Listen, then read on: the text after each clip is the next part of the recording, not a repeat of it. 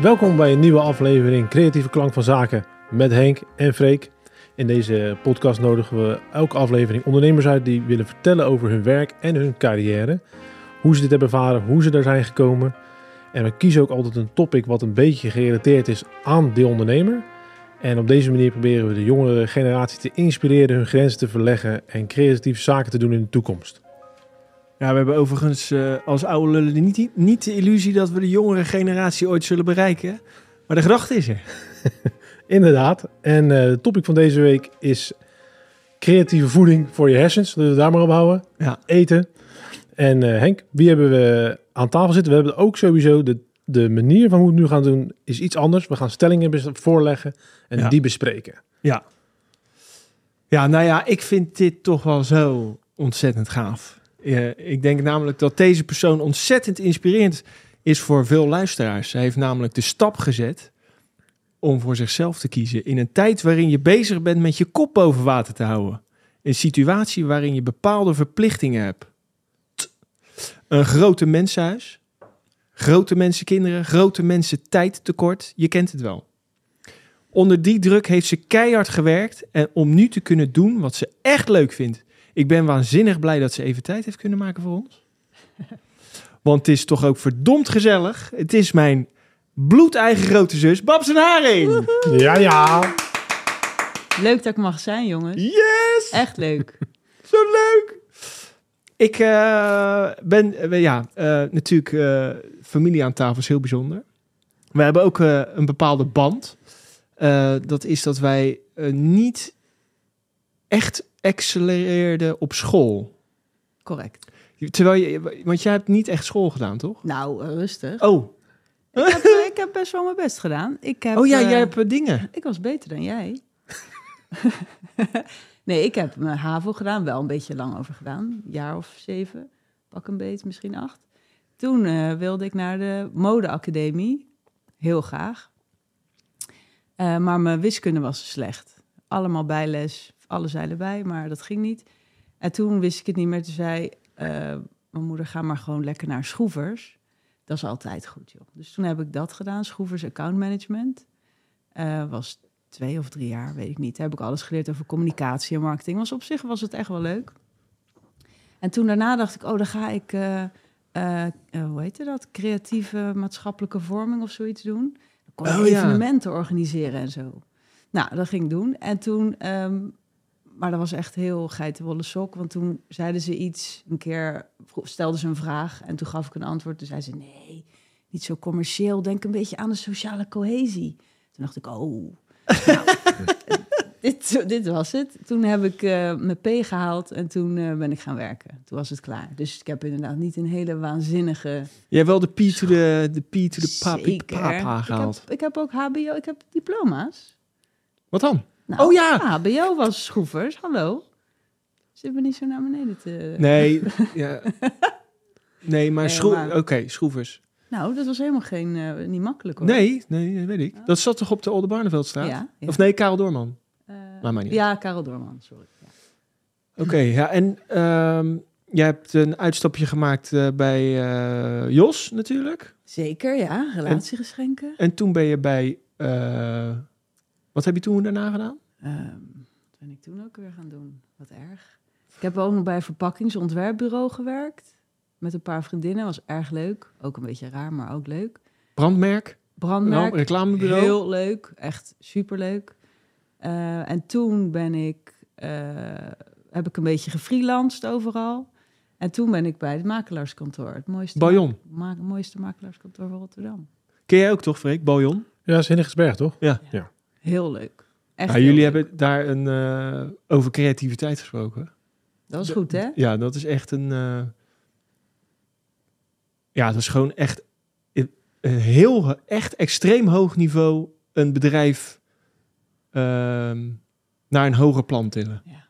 Op, cre- op, op creatief gebied. Nou, daar heb ik ook echt veel complimenten over gekregen. was echt leuk. Ook om te doen, dat hele rebranding gebeuren. Ja, dat, Ja. want daar heb jij van, eh, van A tot Z mee bezig eh, Zeker, gehouden. ja, ja. Heb je allemaal begeleid. En in samenwerking met Container, Ja, toch? met container. Die hebben dat helemaal opnieuw vormgegeven. Want we hadden eerst Baljon en Mora. Dat leek dan een beetje meer advocatenkantoor. En mensen vonden het allemaal, oeh, dan mag je alleen je huis verkopen als het een miljoen plus is. Maar dat was helemaal niet zo. Je mag altijd komen. Ehm, en toen zijn we inderdaad met container gaan zitten. Joh, wat kunnen we doen? Dus die zeiden als gelijk van, joh, dat en Mora, sorry voor Jan Mora, maar dat moet eraf. Gewoon bam, Baljon. En toen hadden we allemaal toffe eh, nieuwe logo's en borden. En kregen we eerst heel veel commentaar op. Want normaal staat het ook op een verkoopbord te koop. En dan de naam van de makelaar, een telefoonnummer en URL, alles erop. En we hadden alleen maar te koop, baljon en verder niks. En een geel bord. En een geel bord. Fantastisch. Ehm, en mensen, ja, zo arrogant, alsof iedereen weet wie jullie zijn. Maar nu moet je maar eens in de stad kijken hoeveel mensen alleen maar hun naam en het Ja, het is Eh, helemaal opgepikt. te koop hebben. Ja, dus dat is wel echt leuk. Dat hebben ze goed Ja, gedaan. daar werd ook zoveel over gepraat. Over hoe kan je nou als makelaar alleen maar je logo en eh, Ja. te koop erop zetten. Maar het werkt wel. Zeker. Nou, daar hebben we dus een hele fijne tijd gehad. Ja, absoluut. Ja, en toen ben jij, wat ben jij toen gaan doen? Want toen had je een, een, een- in welke tijd, eh, Nou ja, wanneer is- begon het te borrelen bij je? Laat ik nou, het zo zeggen. Het is natuurlijk gekomen. ehm, ik heb twee kindertjes, of twee kindertjes zijn al best wel groot. Eh, een jongen van negen en een dochter die is nu al zes weer. Eh, maar toen ik van haar eh, was bevallen, toen had ik echt een hele dikke knie. Echt heel dik. Maar ik dacht, ja, ik ben sowieso dik, dus die knie. Jezus, whatever. normaal, Ja, ik was net bevallen, toch? Oh ja, oké. ben je niet helemaal in je eigen lichaam. Ehm, maar mijn lichaam werd gewoon weer normaal. En die knie die bleef echt humongous. En ik kon bijna niet meer van de trap. En het wordt allemaal heel ongemakkelijk. Nou, natuurlijk naar de huisarts. Die zei, oh ja, ik zie het al. Een bekerse kiesten, zoek maar op op internet. Het gaat vanzelf over. Nou, het was het helemaal niet. Het klopte ook helemaal niet. Het ging ook niet over. Dus weer terug. Nou, ziekenhuis, allemaal specialisten gehad. Duurde allemaal lang. Ehm, en uiteindelijk kreeg ik, joh, je hebt reuma. Reuma? Ik, eh, ik heb helemaal geen zin in. Hoezo heb ik ineens een reuma? ik ben ongeveer nooit ziek. En dan kom je ineens dat ik een een of andere rare, enge ziekte heb. Ehm, maar goed, op zich was het ook fijn dat ik eindelijk wist... hoe kom ik aan deze irritante knie en hoe kom ik er weer vanaf? Of in ieder geval, toen kreeg ik natuurlijk een zak met pillen. En joh, fijne wedstrijd. Ze waren heel lief voor. Ehm, van je kan altijd bellen en doen. Maar ik heb toen wel gelijk gevraagd: joh, kan ik iets doen met voeding of met leefstijl om ervoor te zorgen dat het beter wordt? Nou, dat was allemaal niet wetenschappelijk onderbouwd en dat hoefde ik echt niet te gaan proberen, want het had helemaal geen zin. Neem nou maar die pillen en dan komt het allemaal goed. Dat wordt ook niet, zij gaan ook niet eh 0,0 daarin mee. Nou, Ze zeggen gewoon, daar moet je niet aan minimaal, beginnen. Dat echt minimaal. Echt, echt heel weinig. Oké. Maar ja, ik dacht, ja, het is wel best met je, met al je pillen. Eh, Dat gaan we niet doen. Want die Dus- hadden heel veel bijwerkingen. Ja, en ja, ik ben nog niet zo oud. Dan moet ik honderdduizend jaar allemaal pillen gaan slikken. Daar zit ik helemaal niet op te wachten. Nee. Dus ik ging wel mijn voeding aanpassen. En dan ging ik opzoeken op internet. En wat kan ik doen? En ehm, dan lees je natuurlijk van alles. Maar de een zegt dit en de ander zegt dat. Dus toen dacht ik, weet je wat ik nou doe? Ik bestel een, een studiemap. Ehm, want daar staat gewoon de waarheid, de waarheid in. Tenminste, daar ga je dan vanuit. Eh, en dat werd eh, de studie eh, natuur, natuurvoedingsadviseur. Ik dacht, oh, dat is lekker makkelijk. Dan leer je hoe een aubergine groeit en wat voor vitamine er in een courgette zitten. Maar dat viel uiteindelijk nog best tegen, want dat was gewoon echt over het hele menselijke lichaam en elk orgaan en hoe dat werkt en welke enzymen er. Nou ja, goed, echt alles. Maar ik vond het ook super interessant en ik was natuurlijk mijn eigen proefkonijn, dus ik ging dingen weglaten en meer introduceren. En ik merkte dat het steeds beter ging. Want van die pillen werd ik ook een beetje depressief. Nou, dat ben ik helemaal niet. En ik werd gewoon weer vrolijk en de knie ging beter en ik voelde me lekkerder in mijn lijf. Ik dacht, dit, dit is wel. En komt verder en ik ging die studie afmaken. Dus ik haalde mijn diploma. Toen dacht ik, en ik voel me goed. Dit is echt, waarom weet niet iedereen dit? Dit, dit is fantastisch. Nou, nog een studie gaan doen. En toen ben ik, nou, uiteindelijk ben ik, denk ik, twee of drie jaar gestudeerd. En toen ben ik het een beetje zo naast Baljon in de avonduren mensen gaan helpen met klachten. En dat werkte eigenlijk zo goed. En het werd te druk, want dat ging niet. Dan pakte ik om half zes mijn tas bij Baljon en dan rende ik. Ik had dan op de Bergse Dorpstraat in dat oude ABN-kantoor Oh ja. een klein eh, ruimtetje. Dan rende ik met mijn laptop naar dat eh, ruimtetje. En dan ging ik daar nog in de hele avond met snel even iets eten, wat natuurlijk ook geen goed voorbeeld is voor wat ik dan uitdraag. Ehm, dan werken tot elf en dan naar huis en dan moest ik dingen nog uitwerken. Dus dat sloeg uiteindelijk helemaal nergens op. Dus toen moest ik een keuze gaan maken. Ga ik bij Bouillon blijven, waar ik een soort, soort familie eigenlijk, of ga ik mijn eigen pad bewandelen? Nou, ik dacht, het is wel echt tof. Ik ga dit doen. Ook wel spannend natuurlijk. Uh, dus dat ben ik nu vanaf het begin van dit jaar heb ik echt mijn eigen praktijk. En uh, hoe, hoe, noem je het? Ortho, orthomoleculair therapeut? Ja. Nou, heel officieel ben ik nog geen therapeut. Oké. Want dan moet ik eigenlijk nog één extra opleiding doen. Die ga ik volgend jaar doen. Maar uh, eigenlijk is het adviseur. Oké. Ja. Als we het heel officieel moeten zeggen. Ja. Maar ik zeg stiekem wel therapeut. Klinkt leuker. Dat is toch veel kikker? Ja, klinkt gewoon cool, toch? Oké, en wat, wat, wat, doe, wat doe je als iemand nou bij je binnenkomt? Wat, uh, wat, wat doe je dan met ze? Nou ja, mensen die uh, komen dus met klachten. Dus bijvoorbeeld mensen die altijd een opgeblazen buik hebben... of die uh, heel veel hoofdpijn hebben of acne, huidklachten... Um, mensen die nooit naar de wc kunnen, mensen die altijd diarree hebben. Het zijn vooral spijsverteringsdingen eigenlijk die ik doe. Maar ook mensen die willen afvallen en het niet lukt. Mensen, uh, nou ja, noem het maar op. Alle klachten eigenlijk waarbij de huisarts het niet meer helemaal weet. Of je krijgt een crème. Je hebt eczeem, je krijgt crème, alsjeblieft. Maar ja, die eczeem komt ergens vandaan. Misschien beter om de oorzaak aan te pakken in plaats van er een pleistertje ja. op te plakken. Dus nou, die maken een afspraak. Dan krijgen ze van tevoren krijgen ze een vragenlijst, een hele uitgebreide vragenlijst, waar ik me altijd een beetje schuldig over voel. Maar het is voor mij heel uh, belangrijk om gewoon al een beeld te hebben van, nou, hoe zit je een beetje erin? Wat zijn je klachten? Nou, die bereid ik voor. Dan komt iemand tegenover me zitten en dan nemen we al die vragen. Uh, nou ja, aan de hand van die vragenlijst heb ik altijd nog vragen. Want denk je, joh, jij zegt af en toe, maar hoe vaak is dat? En wanneer is dit begonnen? Nou ja, goed. Dan hebben we een uur, hebben we een intake eigenlijk, dat ik echt een goed beeld heb. Nou, vaak heb ik dan al wel een idee van, nou, ik denk dat het dit of ik denk dat het dit is. Maar ik werk ook met een bloedtest, dus dan neem ik een beetje bloed af. Dat stuur ik naar het, uh, uh, naar het lab, dan gaan ze het helemaal analyseren. En dan krijg ik dat terug, nou, dan bekijk ik dat altijd. En vaak is het dan inderdaad, nou, inderdaad, het is... Het zijn de darmen, er zit iets niet goed in de alvleesklier. Of nou ja, goed, het kan van alles zijn. Dat zijn waardes die je ja. ziet, ja. En dan uh, maak ik een plan, dan komt diegene weer terug en dan krijg je een heel uitgebreid, uitgebreid plan. Um, en je weet ook, oké, want normaal, ja, ik wil gezond gaan doen. Ja, oké, maar waar doe je goed aan? De een zegt dit, de ander zegt dat. Dit is gewoon wat jouw lijf aangeeft. Dus je kan heel gericht kan je te werk gaan. En dat is natuurlijk heel waardevol. En dan is het natuurlijk extra leuk als ik vraag daarna van hoe gaat het? En mensen zijn helemaal yes, ik voel me zo goed, ik had het veel eerder moeten doen. Bizar. Ja, dat is Ja, toch dat is heerlijk om te doen. Ja, dat is echt heel leuk. Wat, wat maakt jou het gelukkigst? eh, Nou ja, dat. Als ik dus inderdaad, Resultaat ja, als iemand echt, ik, om ze, na zes weken, tussendoor kan je altijd nog een beetje contact als je ergens tegenaan loopt natuurlijk. En eh, na zes weken stuur ik altijd even een berichtje van, joh, hoe is het? Loop je nog ergens tegenaan? Kunnen we nog iets doen? Hoe voel je? Ja.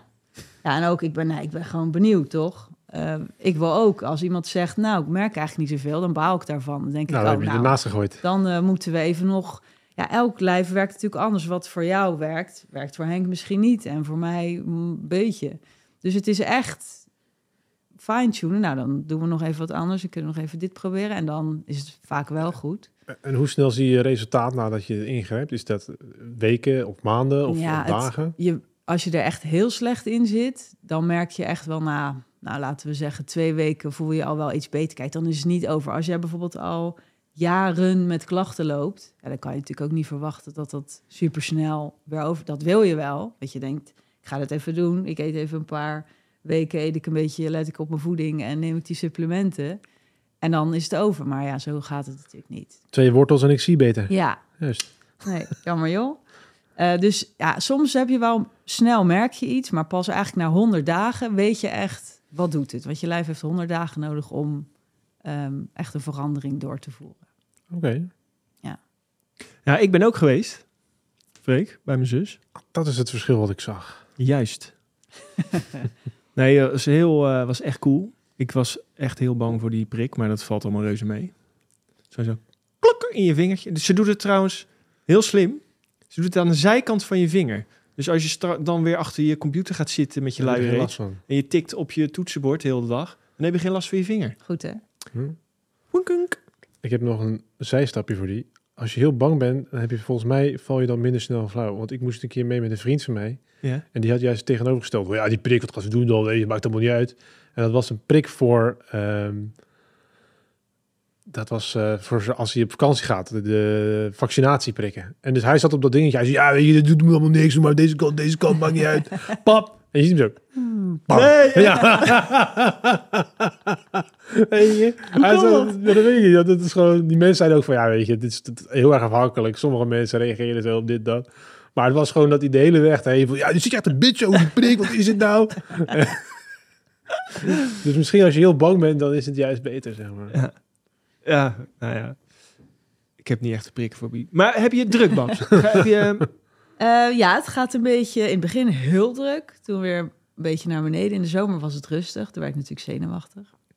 Maar toen sprak ik een jongen die heeft een eigen apotheek. En een vrouw die is psycholoog. Die zei, oh nee, in de zomer is het altijd rustig. Ja. Want in de zomer zijn mensen gewoon blij. En Vitamine D. hebben ze niks, ja. En in, als het dadelijk het weer koud wordt en, en, en guur en donker, dan krijg je het weer druk. En dat is ook zo. ja. Dus, het eigenlijk in de zomer echt- moet je... eh, Komt mij best uit eigenlijk. Dan kan ik gewoon in de zomer vakantie? lekker buiten spelen en lekker op vakantie. En in de winter ga ik gewoon kaart werken.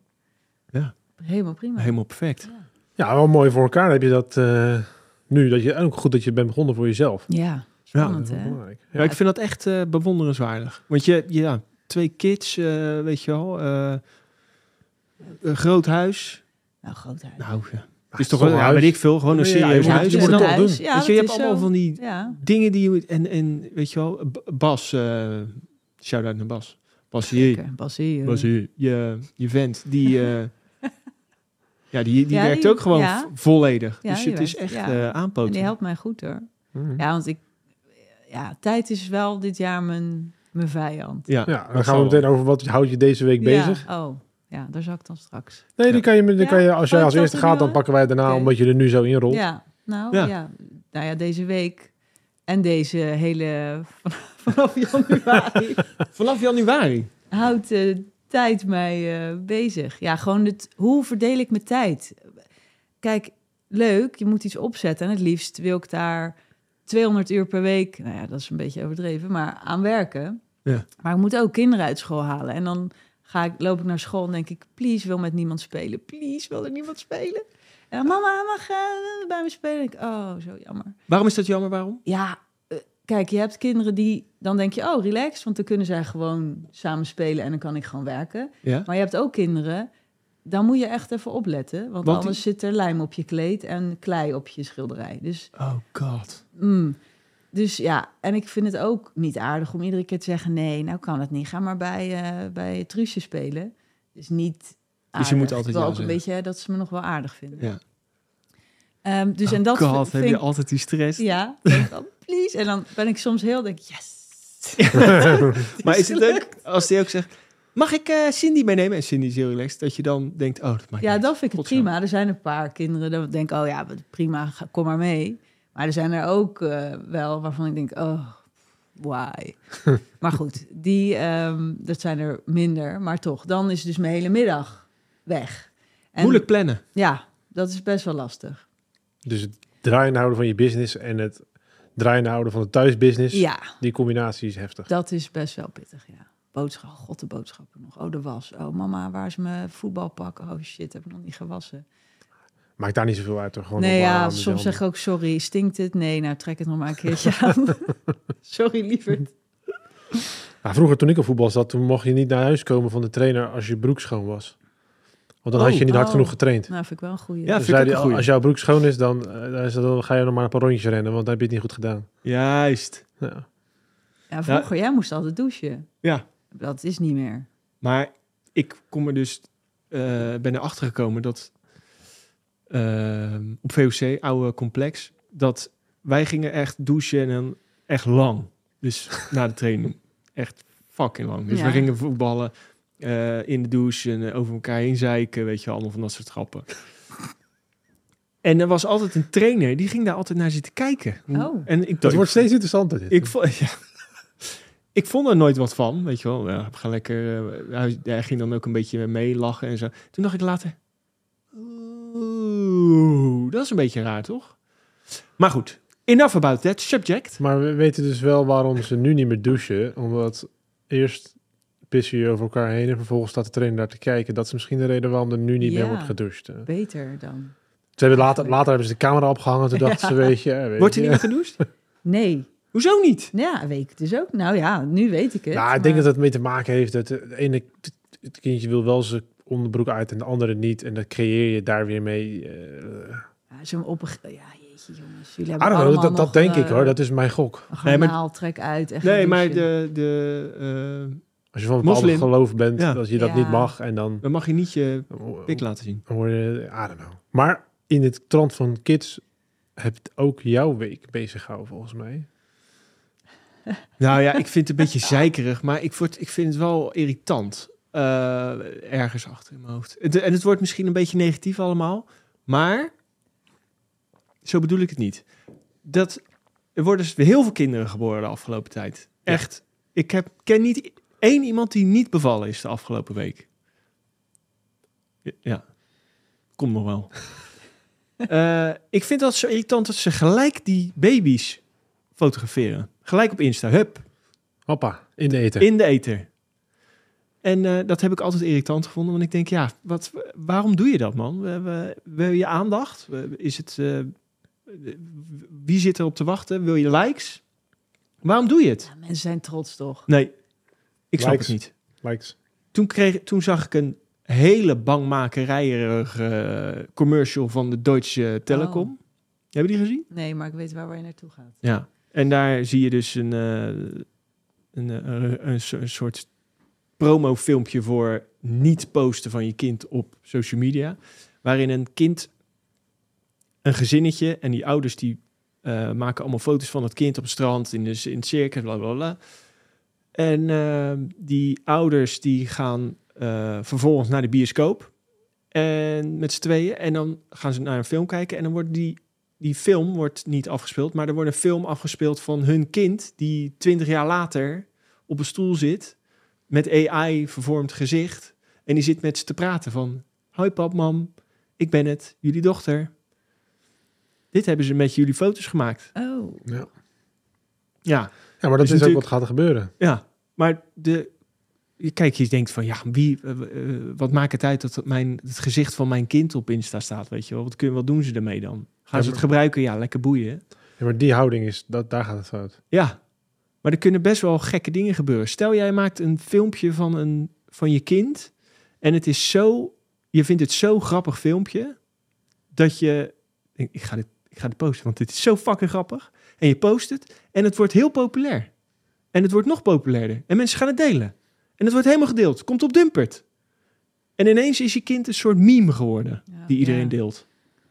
Zo, dat is echt gebeurd, hè? Hmm. De- de- en de kinderen gewoon eh, hun hele leven is verziekt omdat ze een meme zijn geworden. Dat Ja, ze op dat straat worden. wel Hey, jij, wordt, eh, jij bent van dat eh, ding, weet je wel? Dat is ook zoiets. Hmm. Het is niet alleen met, met AI-enge dingen, maar gewoon, het is echt gevaarlijk dat je Hmm. het misbruikt kan worden. Maar zo ook met je eigen hoofd. Ja, maar ja, dat is Ja, je maar je eigen maakt je, ja, Ja, je maakt je eigen keuze. Je, is laat waar. nu, je maakt nu een keuze voor iemand die geen keuze maakt. Dus ik zou zeggen, lieve mensen, ik zeg niet dat je het niet meer moet doen, maar Hou een beetje rekening. ja, let er, ik zou er een beetje op letten. Ik heb Ja, mijn kind, waar. die staat nog niet één keer op eh, Insta. En eh, mensen moeten het ook niet doen. Vraag het altijd, ze vinden het altijd irritant als ze zeggen, ik wil niet dat je mijn kind fotografeert. Dat zeg ik. Ja? Ja, het mag ook fotograferen, maar niet op eh, social. Vinden ze me altijd fucking irritant. I don't care. Nee, ja. Maar sorry voor deze negativiteit. Ik moest het even kwijt. Oh, ik voel me zo licht. Het is toch heel informatief? Ja, dat is informatief. is ook een goede tip. Thanks. Yes. Wat heeft jou bezig gehouden? Nou, ik zal, het heeft ook wel een negatieve lading, bedenk ik me nu. Maar als ik het nou omdraai... Het, het is de Dan, eh, negative show, maar dat kan helemaal niet. Nee, Zus er. Laat ik zo zeggen. Het is positief. Het gaat over streamingdiensten. Ik kijk natuurlijk veel films en series. En het is positief dat er zoveel aanbod is. En dat er zoveel maatschappijen zijn die jouw serie willen produceren. Dat vind ik heel positief, want daardoor krijgt eigenlijk iedereen meer ruimte om iets te maken. Je ziet het nu met eh, Scorsese die een 3,5 uur durende film in de bios krijgt. Dat kon vroeger niet zo makkelijk. Dus dat is positief. Maar het negatieve is dat je dus, zeker omdat true crime nu heel erg eh, booming is in series, in docu's, is dat je een soort race krijgt van oké, wie is er als eerste? En kunnen wij ook nog iets toevoegen aan het verhaal? En ik zag het nu, het viel me heel erg op bij de Murdochs. Dat is een eh, gezin uit het zuiden en daar is, eh, zijn meerdere moorden gepleegd. Het is echt gewoon een familie die, advocaat als vader, maar die heeft, wordt nu verdacht van dat hij zijn vrouw en zijn zoon heeft afgeschoten. Want die zoon die heeft ook zijn vriendin afgemaakt in een bootongeluk. Het is een heel interessant verhaal. Maar daar zijn in totaal nu negen verschillende uurdurende afleveringen van te krijgen. Verdeeld over drie streamingdiensten. Die allemaal hetzelfde verhaal vertellen. Dus Netflix heeft twee seizoenen gemaakt. Twee keer drie afleveringen over datzelfde verhaal. En Prime heeft er nu eentje gemaakt die ook keer drie keer drie uur is. Hetzelfde verhaal. Hetzelfde verhaal. En HBO heeft er nu ook eentje gemaakt van drie. Dus je hebt in totaal twaalf uur over dezelfde twee zaken. Waar iedereen ook dezelfde mensen interviewt. Alleen de setting is net iets anders. Omdat ja, je wil dan toch wel dat hij dan met een boot op de achtergrond zit. Want de vorige keer zat hij met een boothuis op de achtergrond. En ja, we willen toch wel iets, net iets anders hebben. En ze stellen ook allemaal de vragen net iets anders, zeg maar. Maar het is hetzelfde antwoord. Want het verhaal is maar... Het is maar één keer gebeurd, zeg maar. Ja. En het probleem zit er gewoon in... als al die streamingdiensten maar gaan rennen... en maar gaan produceren zonder iemand... als iemand zegt van... vroeger was het vaker zo van... oké, ik heb dit verhaal gekocht... wij gaan dit verfilmen... dan haak de rest af. Maar nu, omdat iedereen op al die streamingdiensten... gewoon goed, plenty content wil hebben... zeggen ze allemaal van... ja, maak jij ook maar, maak jij ook maar, maak jij ook maar. Waardoor je dus 12 uur aan hetzelfde hebt staan eigenlijk. En dat is echt... Dat ik echt denk van ja, maar wat zijn we nou aan het doen, zeg maar. Ik dacht, zo, Ik, maar ik dacht toch dat het zo werkte. Jij maakt een docu en je verkoopt het aan één van die... Ja, maar het is dus nu vaker andersom. Het is nu vaker dat ik zeg van, hey, weet je, dit is interessant. En dan Jij gaat als Prime mij... streamingdienst? Nee, ik als, als documaker. En dan ga ik bij Prime zeggen van, hey, weet je, dit is wel leuk. En dan zeggen ze, oh ja, hier heb je 10.000 euro, maak het maar. Ja. En maar dat doet iedereen. Van, maak jij het ook maar, maak jij het ook maar. Ah. Want het maakt niet uit, we hebben niet meer het, het gevecht om dat ik op één kom in Nederland 1. Dat wordt uitgezonden, want ik gooi toch op die streamingdienst. Dus ik heb alleen maar meer content nodig. Dus ja, maak het maar, zeg maar. Hmm. En dat zorgt er gewoon voor in deze case, omdat het best een interessant verhaal was, dat ik het in één keer zag, dat ik hem daar zag en daar zag. En dacht ik, jezus jongens, er zijn nu in totaal twaalf verschillende filmcrews, twaalf verschillende documentairemakers bezig geweest met hetzelfde stukje. Ongelooflijk. En dat is dan ik vind dat we in staking moeten. Ga je oh, nee, dan wel allemaal kijken, omdat je benieuwd bent wat Nee, ja, ik heb er twee gekeken. En toen heb ik die andere heb ik even snel wat een beetje doorheen geskipt. Toen dacht ik, ja, je hebt, oh, je hebt ook die, je hebt ook die, je hebt ook die, je hebt ook die. Ja, Oké, okay, weg, klaar. Ja, en het is gewoon... Is het een aanrader? Welke is de beste? Ja, dat is, dat, dat is, daar krijg je de vraag. Die van Netflix is het meest uitgemolken, want die hebben er zes aan gewijd. Terwijl er, dat hele tweede seizoen is er niet één nieuw bewijs geweest. Het is alleen dat zij dachten van, hey, weet je, we moeten deze koe nog iets verder uitmelken dan dat hij al was. Jezus man. Zeg maar, laten we nog even wat erachteraan gooien, zeg maar. Gooi je gewoon random mensen. Je hebt, nog net niet iemand gevraagd, een getuige die bij het tankstation zag, die hem mogelijk ook even voorbij zien rijden. Zo'n soort persoon krijg je nog zo van, ja, het zou kunnen dat hij voorbij reed hier hoor. En dat vind ik wel een beetje, uh, ja, het is een beetje een, uh, die race, zeg maar, om geproduceerd te worden en te gaan maken, daar zit geen handrem meer op als er tien mensen zijn die dat verhaal lezen, stel je voor, er gebeurt iets interessants, zoals jouw uh, pis over elkaars voeten en die, en die leraar die daar staat te kijken, die trainer. nou, dat komt we dat eruit knippen? Ja, dat, dat, dat komt in de kranten staan, dat berichtje. Nou, dan gaan er tien filmmakers gaan proberen zo snel mogelijk dat op een streamingdienst te krijgen. En meestal is het zo dat er dan, als iemand in productie is en iemand gaat filmen, dan haken die andere negen of acht af. Zodat er nog eentje nog meegaat om te denken van, ik kan het ook. Maar nu gaan ze gewoon alle tien krijgen ze funding. Iedereen gaat maar door. En dan is het gewoon de race wie er als snelst is. En over het algemeen, als jij snelheid toepast op filmprojecten, dan gaat dat ten koste van de kwaliteit. Dat is toch eigenlijk helemaal niet slim? Want je gaat toch juist, oh, je moet Netflix hebben, want die hebben docu over. Dat, ja, dat is het dus. Dat verlies je. Je verliest zeg maar de exclusiviteit. En dat gaat, die, die winnen ze nu omdat je dan als eerste bent. Wij hebben als eerste. Het werkt eigenlijk hetzelfde als de media nu uh, werkt, toch? Of altijd gewerkt heeft als er een nieuwsbericht is, uh, maakt niet uit of het waar is. Ik wil als eerste ja, dat is het gewoon. Het erop knallen. Toch? Jammer hè? Dat is, dat is, daar stoor Maar ik vind het een heel raar eh, eh, fenomeen. Wat, Ja, en dan is er nog te weten ik snap dat het ook niet. er komt nog een tv-film aan. Dus dat is een ondergeproduceerde film. Die is niet in de bios, maar die komt dan op een streamingdienst direct. En daar komt nog een docu aan. Die zag ik al staan zo van, weet je, die zijn Over dat ding. over datzelfde, over exact hetzelfde. Dus ik ben zijn zo ook- benieuwd waar het wie over gaat gaat. het nog kijken Ja. als het overal is? Als je, je kan nu al 12 uur kijken over exact hetzelfde, waarin je die nergens heeft, niemand heeft nog eh, bewijs wat die anderen niet hebben. En er komt dus nu nog meer aan. Je zou eigenlijk een docu moeten maken over de hoeveelheid docu's die er zijn. Dan heb je het helemaal eh, compleet. Nou, dan ben je eh, check. Juist. Zo, trouwens even over... eh, jij had het net over Scorsese, toch? Ja. Flower... eh, Mhm. Hoe heet die nou? De Flower... Killers of the Flower Moon. Ja. Dat is de nieuwe film van Martin Scorsese. Oké. Met onze of, eh, Freek en mij eigenlijk ook favoriete acteur Leo Ja. DiCaprio. Dat snap ik. Wat een... Heb je de trailer gezien? Ik heb de trailer en de film gezien. Heb je hem al gezien? Ik ben gisteren geweest. Pleur op, echt? En? Ik Genieten. vond hem goed. Ja. Beter dan eh, Oppenheimer? Mm, lastig. Ander soort film. Ander soort film. Maar de trailer is inderdaad heel goed. En DiCaprio is gewoon heel goed. Dat is de volgende, bij- in zijn geval, Oscar-nominatie. Maar ik vind ook eh, De Niro vond ik ook heel goed. Die is echt 85 of zo. Is die AI ouder Nee, nee, gemaakt? nee. Hij is gewoon, Oud. ja, hij is een grandpa, dus. Maar hij doet het echt, eh, denk ik bij mezelf, 85. Ik hoop dat ik nog zo eh rondstamp op mijn 85ste. Goed, Wat Heeft hij nou dat kind? Oh nee, dat is El Pacino. Ja, maar hij heeft ook niet een... eh, zijn jongste zoon is ook tien of zo. Dus dat, hij, hij loopt er niet heel erg ver naast, hoor. Nee? Nee. En Al Pacino die heeft nu toch een kindje gekregen... wat nog moet worden bewezen dat hij de vader is. Die is zeg maar begin dit baby. jaar. Ja, Ja. begin dit jaar. En hij is, 85. ja, Hij is ook 85. Ja, hij is ook zoiets, ja. Oh, Oké. Maar die moeder is niet 85 voor de Nee. Die is 25. Nee, eh, ja, zoiets. Ja. 25, 5. Oh, maar dan moet je met zo'n... Oh, ah. Ja, hallo, het is El Pacino. Ja. Dat wel. Al is het eh Smurfino. zegt hij dan. Oh, Goor. Ja, vind ik echt goor. Dus ik zo'n heel die oude billetjes. Ah. Kijk dan.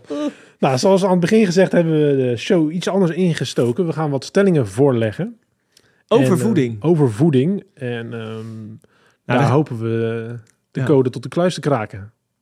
Ja, want weet je wat ik denk? Ik denk dat veel luisteraars... eh, ik zit eh, eh, op kantoor ook met jonge mensen. En die gaan altijd lekker lunchen. En dan lopen we altijd naar de Albert Heijn. En te- altijd als ik, terwijl ik naar de Albert Heijn loop, denk ik al... Ja, ik ga nu naar de Albert Heijn. Maar alles wat ik daar koop, is gewoon bagger. Je komt je naar buiten met die gesuikerde donuts. Ja, maar ik koop dan nog, denk ik, gezond voer, weet je wel. Zo'n voor, eh, voor een verpakt saladetje, weet je wel. En, eh, Lekker. ja. maar die andere gasten, die eh, nemen allemaal eh frikandelbroodjes met curry. Drie stuks. Drie alleen betalen. De katamaran eh, bestellen ze dan. nou ja, bij de Albert Heijn, hè. Oh ja, dat hebben ze daar niet. hè. En allemaal gore broodjes, jongen. Ja, Dan denk ik, ach jongens, denk nou even na. Ja, ik, voordat we erover gaan, ik was al- onlangs in Madrid en daar hebben ze dus in de supermarkt aan het einde allemaal magnetron staan. Dus daar kan je hetgene kopen en dan kan je het, zeg maar na de kassa, Nou, dat kan je dat magnetron heeft, kan je zo eh, ping, Albert bing, Heijn bing, ook, bing, bing, Ja? Ja, Echt? zeker. Ja, 100%. Oh. staat een magnetron in de supermarkt. Want eerst dacht ik, wat een hard kassa geluid, maar dat waren al die eh magnetrons die zo ping, ping. ik dacht eerst dan, weet je, wat gebeurt hier? Maar, maar dus je hoort dan ping en ksh, Ja. van die Red Bull. Lekker in die plastic bakken opwarmen. Lekker hoor. Mm. Mm, microplastics. Smellings. Yes. Nou, Nee, dan- maar Babs, we, eh, we hebben er eh, zes stellingen. En, ehm, wacht even hoor. Sorry. Heel irritant, sorry. Eh, zes stellingen. En ik zal ze even opnoemen. Dan kan je je alvast eh, voorbereiden. Ja? Gezond eten is veel werk. Oké. Nummer uno. Numero due. Suiker is slecht. Nummer drie. Van vet word je dik. Nummer vier. Heel vaak kleine beetjes eten op een dag is beter dan drie maaltijden per dag. Nummer vijf. Biologische groenten en fruit zijn gezonder. Zes. Eiwitshakes onzin of goed. Oké, mooie stellingen. Ik weet niet of we het allemaal halen. We gaan het proberen. Probeer het eens. Numero uno. Gezond eten is veel werk. Ik kan dat beamen, want eh, Nee. ik vind het veel werk. Henk, het is onzin. Ja? Ja. Het is onzin. Kijk, ehm, het, het, eigenlijk begint het gewoon met nadenken. Oké, je gaat boodschappen doen. Wat gooi je in je mand? Als je gewoon dan al... Eigenlijk is het belangrijkste om bewust te worden van wat je in je mond stopt. Als je gewoon dingen in je mond stopt die onbewerkt zijn... eh, of, je, als je die koopt, groente, fruit... eh, en dingen het liefst zonder verpakking. Als het in de verpakking zit, dan let je erop. Oké, nou, laat ik kijken dat er max drie tot vijf ingrediënten in zitten. Als er al dingen op een verpakking staan die je niet eens kan uitspreken, waarom zou je het in je mond stoppen? Je weet niet wat het is, toch? Dus als je daar al een beetje meer naar gaat kijken, dan is het eigenlijk al makkelijk. Maar jij zegt drie ingrediënten. Ja, dat is het best natuurlijk. Maar er staat toch op geen enkele verpakking drie ingrediënten? Ja, er zijn wel eh, producten met heel weinig ingrediënten. Die zijn er. Niet die magiepakjes die jij eh, met burritos vanavond... eh, daar staan heel veel ingrediënten op. Nee, maar even serieus. Een, ehm, nou, laten we zeggen, een heel gezond koekje. Henk, een heel gezond koekje. Nee, maar, Oh ja. Nee, maar eh, Nou. misschien... De, kijk, heel, gezond eten is veel werk. Hangt samen met gezond eten is veel werk. Omdat het minder lekker kan zijn. De makkelijkheid dat je zegt van een broodje frikandel... of ik neem een blaadje sla en een komkommer. Ja, maar waarom zeg je gelijk een blaadje slaan een komkommer? Ja, Ja, nou, maar ik denk, ik moet eventjes de, de schaal bepalen, zeg maar. nee. lekker man. Ja. Nee, ja, het is... Het is ehm, het, ja, het, het is meer... Kijk, je kan het zo gek maken als je zelf wil. Je kan eh, eh, een, een bottenbouillon gaan maken... en die drie dagen laten trekken in een... In een, in een hoe heet zo'n ding? Zo'n slow cooker. Wat dan eigenlijk ook niet veel werk is. Maar goed, dan moet je botten gaan halen. En wat voor botten... Dat is, een, dat is even next level. ja. Maar als jij al gewoon rustig begint, want het hoeft echt niet allemaal ingewikkeld te zijn, komen nu allemaal eh, regenachtige, koude, donkere dagen aan. Ga lekker naar de markt of weet ik veel waar. Haal een bubs groente. Ga lekker een oranje soep maken en een groene soep en een rode soep. Dat gooi je in de vriezer. Je maakt lekker pasta saus met allemaal groenten. Je maakt een lekkere pesto en nog een rode pesto en een groene pesto. Doe je allemaal in de vriezer. Nou, dat is dan één dagje. Maar of je nou zit te Netflixen, nou, dat vind jij natuurlijk leuker. Maar of je bent eventjes in de, in, de, in de keuken bezig en dan heb je in de rest van de week heb je plezier. Toch? Want je denkt, oh, ik moet helemaal gaan koken. Oh nee, ik heb die saus. Die En wanneer maak je die saus? zondag. Die maak je lekker op de zondag. Ja, ik heb het wel eens gedaan hoor. Dat werkt inderdaad wel. Maar dan werkt mijn OCD weer. Dan zie ik die, die pakjes in de vriezer staan. Mhm. En dan ga ik helemaal los dat hij helemaal vol is. Waardoor ik het dan nooit meer, nooit meer opeet. Omdat als ik er dan twee uithaal, dan valt het weer een beetje om en zo. Dan... Heb jij OCD? Wauw. Nee, maar het is dan netjes als je in je koelkast zo in die vriezer, dat je zo'n hele rij batterij met Ja. sausjes hebt. Dat is Dat heel ik- mooi. Ja, dat ik dan denk, zo, dit is netjes, jongen. En allemaal erop geschreven. Maar oké, eh, kijk, jij zegt natuurlijk, en ik, kan ook niet anders wat je zegt, dan, dat je dat moet doen en dat dat... eh, Ja, het moet niet, maar, Nee, maar goed. De meeste mensen die zeggen pesto, dat kan je toch gewoon halen bij de Albert Heijn, is toch gewoon gezond? Ja, dat is fantastisch, je eens kijken wat daarin zit. Nou ja, en pesto is echt geen werk, hè? Je hebt een, alleen wel een keukenmachine nodig. Nou, dat is gelijk een leuk eh, kerstcadeau. Je, gooit, je kan het met alles maken. Je gooit er een bubs rucola in, walnoten, lekker parmezaan, een beetje olie, een beetje citroen doe ik er altijd bij. En je bent klaar. Het is, Dit is Letterlijk eh, twee zwerverspesto is dit, hè? wat zit jij nou? Nee, dit is walnoten. Je moet eh, pijnboom pitten. Ja, dit is met rucola en walnoot. Je kan Oh, je ook basilicum en. Ja. En pijnboompitten, je kan eh pistachenoten en je kan een beetje variëren. Maar als je dan naar je, voor de mensen die naar die werk gaan, die naar die appie gaan, die moeten eigenlijk, zouden beter een soepje moeten eten. Eigenlijk, ja. Als jij, als jij nou bijvoorbeeld s'avonds gaat koken en je denkt, joh, ik laat ik nou slim zijn, ik doe een beetje extra, dan heb ik morgen gelijk een lekker bakje voor eh, in de lunch. En, dan is het niet meer werk. En al is het een beetje meer werk, kijk je, als ik dan wel eens tegen iemand die daar helemaal geen zin in heeft, ja goed, dan houdt het sowieso snel op. Maar Ja, je moet wel, je moet Ja, er je wel, moet er wel een eh, beetje je moet zin in meewerken, anders hebben. heeft het geen Ja. zin. Ja. Maar dan zeggen oh nou, ik ga het allemaal niet doen, man. Want dan ga ik toch gewoon wat eerder dood. Ja, oké. Als het zo zou zijn, dan op zich prima, toch? Als je gewoon lekker allemaal slechte dingen doet, la la la, hup, je valt om en je bent dood. Maar zo werkt het niet. Je bent langer ziek. Dus is dat wat je wil? Is dat relaxed? Ja. Denk niet. Nee. Toch? Nee. En de oermensen gingen ook niet dood aan kanker en hartaanvallen en obesitas en weet ik veel wat. Die werden gewoon gebeten door een tijger. Ik was er niet bij, maar dat vermoed ik. Eh, dus ja, en die aten ook gewoon dingen uit de Zonder- natuur die er ja. waren. Die was er ook niet Ja. allemaal met... Dus een zelf soepje maken, niet de soep kopen van de appie. Ja, Nou, een soep maken is wel echt heel eh, eenvoudig. ja Dat dat doe is echt peanuts. Ja. Maar je hebt ook die soeppakketten van de appie. Ja. Die zijn niet heel, heel verkeerd. Daar zit gewoon voorgesneden dingetjes in. Die kan je erin knikkeren en dan hoeveelheid water. En dan... is echt prima. Het liefst als, het, als die... Soms heb je zo'n pakket waar gewoon nog een hele pompoen in zit. Dat alle Mhm. dingen nog die je nog zelf moet snijden. Dat is echt, dat is top. Dan heb je gewoon je ingrediënten en dan maak je dat. Kijk, voorgesneden, liever zelf snijden. Maar goed. Voorgesneden goed is echt dat is de grootste bagger die er is. Hè? Nou Wij ja, zijn alle voedingsstoffen uit. Maar, Ja, echt. Ja, Die zakjes bij de Albert Heijn, die voorgesneden shit, moet je niet kopen. nou ja, Er zit niks meer in. Dat is gewoon dood, be- beter die dode stukjes groente dan dat frikandelbroodje. Ja, Laten we dat wel even zeggen. En als ik een salade maak en ik gooi er een blok vet op, Prima. Ja hoor. Hartstikke lekker. maakt wel het verschil, hè? En als je die Ja, salade nou weghaalt en alleen die vetten. Dat is ook lekker hoor, in de oven. Tomaatjes. maar Babs, dat is wel grappig, want jij, eh, jij kan echt lekker koken, dat weet ik. Je hebt eh regelmatig voor mij gekookt. En jij gaat binnenkort ook wat uitbrengen. Namelijk een kookboek. Ja, dat is waar, ja. Daar ben ik nog druk mee bezig. En ook daar is tijd mijn vijand.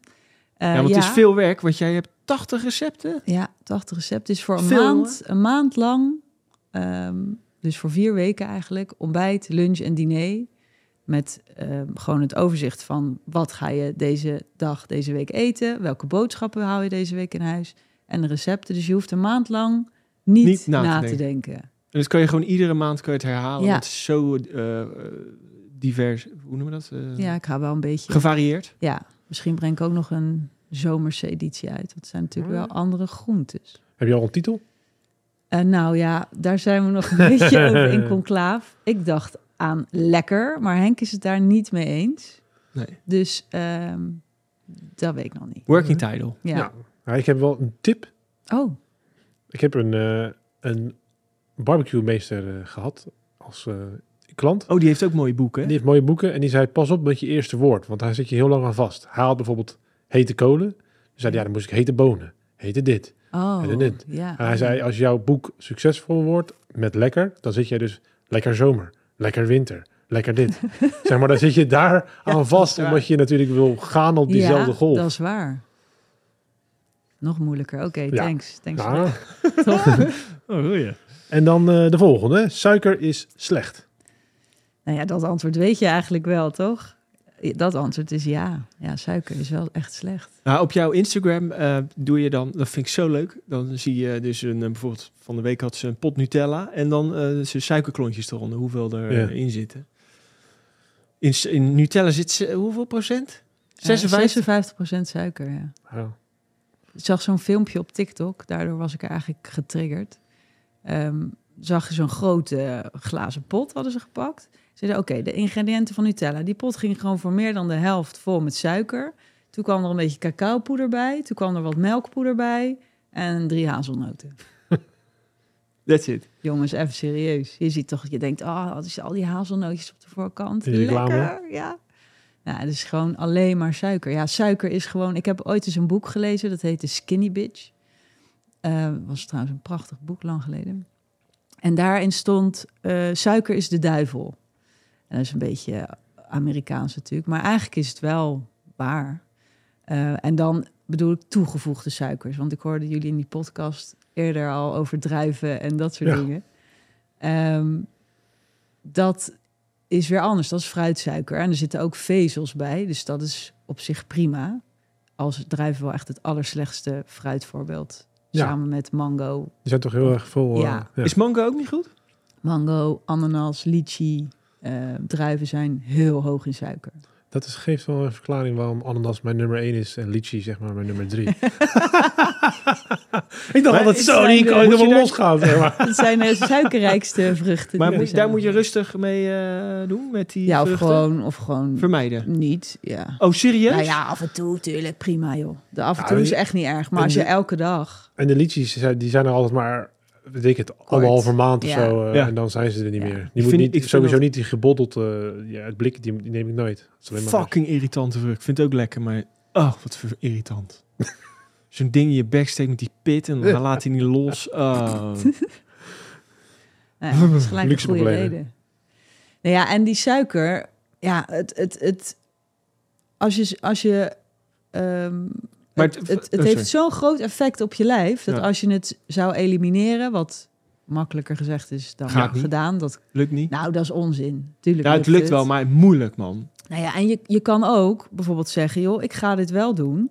Ehm, ik ga door de week ga ik geen suiker eten. Of in ieder geval geen toegevoegde suiker. Dus geen snoep, koek. eh, kijk, in brood zit een beetje suiker. Er zit overal wel een klein beetje suiker. Maar je mag ongeveer tot 20 gram suiker per dag. Zou je, dat zou de, de, de lijn moeten zijn. Bijvoorbeeld een snelle jelle. Eén zo'n plakje koek is al 20 gram suiker. En een Red Bulltje. Ja, dat weet ik niet eens. Daar- dat schrik je helemaal kapot. Hij zuipt dat, hè? Echt? Freek. Ja, maar er zit meer suiker in een colaatje. Ja. Eh, Oké, ja, nee, goed man, leuk. Lekker. Nee, maar het is niet goed, dat klopt. Nee, Maar ja, als je het nou lekker vindt, dan heb je een probleem. Hij wordt daar gelukkig van. oké, ja, zelf weten. Mm. Mhm. Maar jij zegt Maar we dus... zoeken ook nog een sponsor, Red Bull. eh eh, kijk, ehm 20 gram suiker per dag. En als, als ontbijt. Hè? Ik heb Ja. wel eens een filmpje gezien van een gozer, die, eh, die heb ik jou volgens mij doorgestuurd. Die zei, dat is die hele gespierd. Oh ja, nou, ja, niet ja. heel gespierd. Het is niet die Liver King, maar je hebt ook nog een andere gozer, Amerikaan. Die is pro-carnivore. Eh, en die gaat alle, waarvan wij denken dat het gezond is, gaat hij allemaal debunken. Dus eh, ze had hij het over havermout, dat hij zegt dat is zo slecht en er zit allemaal dit en dit en dit in. Toen had ik jou toch gevraagd van, joh, is dat zo? En toen zei je, nou ja, hij heeft ergens wel een punt. Havermout, daar zit een goed Ja, vitinezuur. vitinezuur in. Ja. Dus als je dat heel veel havermout is, eigenlijk juist heel slecht voor je, toch? ja, tenzij als je de, de havermout weekt, dus als je bijvoorbeeld overnight oats van maakt, dan verdwijnt dat vitinezuur weer. Oh, serieus? Ja. Oh, dan is dat weg. Ja. Maar als je het bijvoorbeeld, als je er een granola van maakt, dan zit het er nog wel in. Maar goed, ja, eh, als jij bakken havermout gaat eten per dag, maar wie doet dat? Ja, maar als je gewoon een... Je, moet ook variëren natuurlijk Ja. hè, met je ontbijt. Ja. ja, dat is gelijk een tip. Ja. Verzin, eh, want elke dag een bakje kwark met eh, fruit en een beetje uh, krusli in het ergste geval is natuurlijk niet echt Suiker. top. Ben je gelijk al Ja, je krusli, dan 12. zit je gelijk al aan je 20 gram. Ehm, maar verzinnen voor jezelf drie ontbijtjes of zo, die jij lekker vindt, die in jouw leven passen. En die wissel je dan gewoon lekker af. Maandag die, dinsdag die, woensdag die. En dan begin je donderdag weer bij nummer één. Veel dat werk. is veel werk, Henk. Een ei bakken is niet veel werk. Een bakje havermout, en dat maak je al elke ochtend. Dat is echt niet veel werk. Een beetje yoghurt met wat fruit erop en wat granola die je dan op zondag zelf hebt gemaakt, is echt niet veel werk. Wat? Granola Maar zelf Griek- maken, dat vind ik goeie. yoghurt, 2%. Zo vet. En suiker. Ja, Griekse yoghurt. Ja, Wat is de beste yoghurt. yoghurt? geen yoghurt. Nee, grapje. Je hebt bijvoorbeeld... Kokosyoghurt? eh, ja, ja, maar daar moet je ook op letten, want ze zijn ook zo sneaky. Bij de Albert Heijn had je kokosyoghurt, die was gewoon kokosmelk en een beetje water zat er geloof ik in. Ik weet niet, twee ingrediënten, hartstikke goed. Nou, top. En dan koop je dat en dan op een gegeven moment draaide ik per ongeluk die pot weer om en hebben ze dat ineens veranderd. Zonder dat erop staat iets van vernieuwde receptuur of iets. En er zitten ineens allemaal andere spullen in waarvan ik niet weet wat het is. Hm. Dus kokosyoghurt, je hebt wel dat Abbott kidney, kidney, kidneys volgens mij. Ja, die kost eh, Ja, 75 euro per doosje, per eh, potje. Per hapje. niet normaal. Ehm, Wel lekker, wel dus ja, en echt je hebt, je hebt ook dan... eh, bijvoorbeeld gefermenteerde yoghurt. Dat koop je bijvoorbeeld bij de Ecoplaza. Maar goed, moet je wel naar Ecoplaza Oeh. gaan. Nee, dat is onzin. Oh. Het smaakt gewoon... Jezus. Ah, ja, misschien bedoel jij de Ecoplaza. Dat zou nog kunnen. Nee, ik, ik ga heel vaak naar de Ecoplaza. Ik vind de Ecoplaza Die, top. die, dat is van Rauwpower Zit dat eh, in een fles? in een fles. Ja, ja. En dat is Heel wel lekker. gewoon van een koe, maar daar zit nog, dat is gefermenteerd. Er zitten nog bepaalde stoffen in, wat ervoor zorgt dat je dat makkelijker kan verteren. Want Ja. heel veel mensen gaan helemaal niet lekker op koezuivel. Omdat daar de lactase eruit is gehaald. En dat heb je juist nodig om de lactose af te breken. Hm. Maar dit is gewoon... En gefermenteerd, dus zitten er allemaal bacteriën in. In je darm zitten... Daar, daar wil je natuurlijk heel veel bacteriën. Goede bacteriën. Dus daar vul je dat ook weer mee aan. Dus het is een soort darmparty als je dat... eh, Dat is eigenlijk hoe yoghurt hoort te zijn, toch? Eigenlijk wel, ja. Want het ziet er ook heel anders uit. Het is vloei echt dun. Het is geen... Oh. Het is Wat is het nou? naar het hoofd van. Vloeibare yoghurt, dat Wauw. denk ik bij mezelf. eh, Nou, yoghurt is toch zo- vloeibaar? Ja, Nou, dit het is is- echt... ik ben, daarom zeg ik, ik ben die Griekse Griekse yoghurt Ja, dat is Als gewoon dan- vlots. Ja, als ik Ja. dan een vloeibare yoghurt denk, denk ik zo, de datum was niet meer heel lekker meer. Hier, Ja, eh. dit is gewoon... Dit is echt d- wel dun. Nou, ja. Dunne yoghurt. Geen dikke... pff, Nee, sorry. Nou, ja. maar je Eh, hebt ook dikke yoghurt, die ook eh, eh, biologisch is. Of Ja, het ligt er ook even aan of je een beetje oké gaat op koezuivel. Ja. Dat is natuurlijk belangrijk. Hoe weet je dat je niet goed gaat erop? Dan moet je een afspraak met jou maken. ja, maar kan je dat... sowieso. Ja, nee, als je Dat heeft ook met je huid? Of? Ja, als jij veel, eh, als jij bijvoorbeeld eh, eh, veel zuivel eet en je hebt zo bij je kaaklijn en in je nek heb je pukkels, dat is vaak zuivel. Ik had vroeger heel veel pukkels hier. Ja, Nou, zu- Henk zuivel. wijst nu zijn nek aan. ja. Oh ja. Ja, ik denk, ik geef je nog even een beeld bij. Ja. ja, maar, Maar ik had echt enorme puistdier. Dat kwam Keel, door de zuivel. Dat kan. Dat kan. kan ook hormonen, kan ook stress zijn, kan ook andere dingen. Maar dat Ja. kan. Of als je een, een, een, zo'n bak koude yoghurt, koude dingen op je nuchtere maag, sowieso niet een hele grote aanrader. Maar ehm, als je dan een beetje buikpijn krijgt of een rommelende buik, of in ieder geval merkt dat je überhaupt een buik hebt, dan weet je al, mm, nee, misschien is dit toch niet helemaal voor mij. Nee. En Maar als je daar geen last van hebt, kan je makkelijk Griekse yoghurt eten. ja, nee, dat is... In eh, principe, af en toe. we komen denk ik zo bij die eh, stelling 4. We moeten kijken natuurlijk. Stelling 3 was van vet word je dik. Ja, dat is niet zo. Althans, Ehm, er zijn meerdere soorten vet. Kijk, je hebt vetten heb je gewoon nodig. Vetten zijn belangrijk voor als schokbreker, zijn belangrijk om je hormonen aan te maken. Je hebt gewoon vet nodig. Maar dan heb je natuurlijk verschillende vetten. Je hebt transvetten, dat zijn dus vetten die eh, door een chemisch proces van vloeibaar hard zijn gemaakt. Dus die worden gebruikt in eh, koekjes, in chips, in nou ja, allerlei bewerkte producten. Ja, die transvetten, die kan je gewoon skippen. Die, heb je, die heeft niemand nodig. Nou, dan heb je verzadigde vetten. Die zitten voornamelijk in dierlijke producten, dus in yoghurt, kaas, melk, nou ja, eh, dat soort dingen, vlees. Ehm, ja, daar zijn meningen over verdeeld, maar je kan ze wel eten, maar laat het niet te veel zijn. Zeg 20% of zo van je, van je eten. En dan heb je onverzadigde vetten. Die heb je, die heb je nodig. Dat is bijvoorbeeld omega-3, omega-6 en omega-9. En omega-3 zit natuurlijk in vette vis, dus in zalm, makreel, eh sardientjes. BCL. Nee, Henk. Ehm daar kom ik zo nog even op terug. Eh, ja, dat staat wel op de verpakking. Ehm, nou, vette vis zit in, in chiazaadjes, in lijnzaad, in walnoten. Zit een klein beetje omega-3. Dat is goed, want dat zijn goede vetten. Die eh, werken ook ontstekingsremmend. En die eh, zijn goed voor je ogen, voor je hersenen. En je hebt die cellen. En om die cellen zit een membraan. Dat moet lekker zo... Ja, hoe zeg je dat? Geschmeidig, zeggen ze dan lekker vloeibaar zijn. Dus dat de goede stoffen erin kunnen, maar de afvalstoffen er ook weer goed uit kunnen. Eh, dus dat, die zijn echt belangrijk. En dan heb je omega-6, die heb je ook nodig. En die zit dus in alle plantaardige oliën. Dus in zonnebloemolie, koolzaadolie, pindaolie.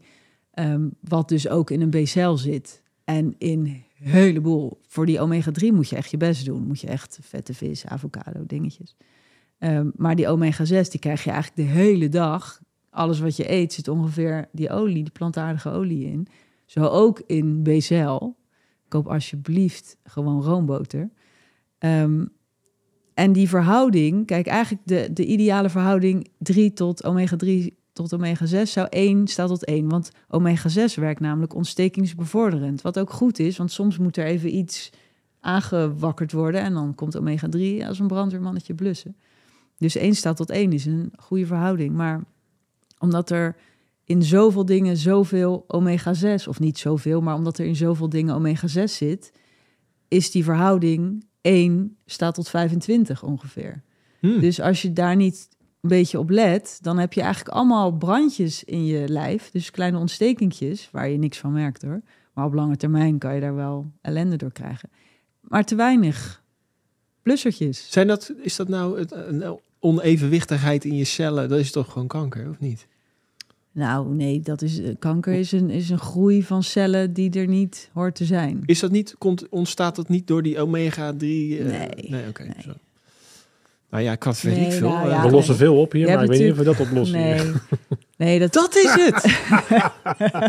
We moeten Nee. gewoon die... Wat voor drie van een, van een uitvinding. Ja. Nee. nee, soms heb je gewoon pech. Ehm, het kan ook. Je kan ook, kijk, eh, ik sprak laatst een, een eh, oncoloog, een vrouw, die, eh, die vertelde dat veel jonge vrouwen die, dit was dan over vrouwen, maar veel jonge vrouwen die kanker krijgen, dat is vaak gewoon echt dikke pech. Hm. Want tuurlijk, als je heel lang heel verkeerd eet, dan kan het dat je, maar goed, als je echt jong bent, soms zijn er kinderen, ja, dat is gewoon, dat ligt echt niet aan je omega 3. eten of aan je te weinig vette Ja, dat vis. zit gewoon Als in die je- in de- Nee, dan heb je gewoon foto. echt... Ja, dat is gewoon echt een pech. Ja. Ehm, maar bijvoorbeeld oudere vrouwen... die op latere leeftijd echt ouder als in 60, 70, 80... dat is vaak ook trauma. Als jij iets heel ergs hebt meegemaakt... Of, eh, en dat niet goed hebt verwerkt... dat wordt als een soort bal wordt dat opgeslagen in je lijf... en daar kan je echt heel ziek van worden. What? Ja, daarom. Als je trauma hebt, fix die shit. Ik, is dat dat je... eh, je hebt van die masse, masse, massagesalons. Niet massagesalon Kim. Hm? Je gaat hier nu de goede kant op. Maar, Heb jij niet? eh, nee, hoe noemen we dat nou? Volgens mij ook eh, met drukpunten. Dat als Acupressuur. de, zo, kan Doe je dat? En Ja. dat iemand op je buik drukt op een plekje en dat je gaat huilen. Ja, Daar kan ik ik, weet ook niet of dat acupressuur is hoor, maar dat bestaat wel. Wat je Dat is ook zo'n eh, ja. therapie-ding. Ja. Ja. Ik kan ook wel ergens drukken dat gaat huilen hoor, Henk, als je dat... eh, dat Kom maar even. Please, Freek, doe. Mm. Oké, nee, maar dat is eh, Ja, dus een heel helder verhaal. ja, dus je hoeft En- niet bang te zijn van vetten. Oké, maar is goede vetten. olie. eh, Pinda's. Ik, hoorde, ik ga heel erg aan op die olie. Oh, ja. Palmolie Ja, mag niet, Nee. chimpansees. zeker. Maar is ook niet goed voor je. Nee, ook niet goed voor je. Maar, Maar dat, dat, zit overal in. ja, klopt. En als we dat nou allemaal gewoon niet meer eten, dan gaan ze ook niet meer de bossen in de fik steken. Er staat ook niet op een eh, verpakking palmolie meer. Dat staat er gewoon niet. Jawel, dat moeten ze erop zetten. Ja, maar het staat er op een andere Misschien manier. is een Latijnse naam voor die boom gevonden. Juist, zo. ja. Oh. Oh, Want ik, eh ik Calvé, eh, creamy eh, pindakaas, is Ja. mijn eh, guilty pleasure. Daar zit gewoon, nou, vol- dat hele potje zit volgens mij vol met dode chimpansees. Ja, Kan je ook gewoon je haar smeren, zoveel olie zit. Ja, maar daar staat niet op palmolie. Terwijl ik weet dat het erin zit. Oh, dat ga ik eens uitzoeken. Dat weet ik eigenlijk niet. Want dat stond er wel Ja. op. Omdat iedereen er nu zo bovenop zit, hebben ze dat misschien aangepast. Ze zijn zo sneaky, jongen. Niet te doen. Ja, maar weet je wat ik ook Maar- fucking nou- sneaky vind trouwens? Even te, de tussendoor, als het mag. Is dat goed? Ja, Eh, doe maar. er, bijvoorbeeld chocola, hè? Ja. Daar staat dan op Fairtrade. Ja. Maar dat is helemaal geen Fairtrade. Ja, het is wel Fairtrade. Het één ingrediënt, bijvoorbeeld, eh, weet ik veel, mil, dat zit er ook in waarschijnlijk. Toch? Dat is dan alleen Fairtrade. Dat is alleen Fairtrade.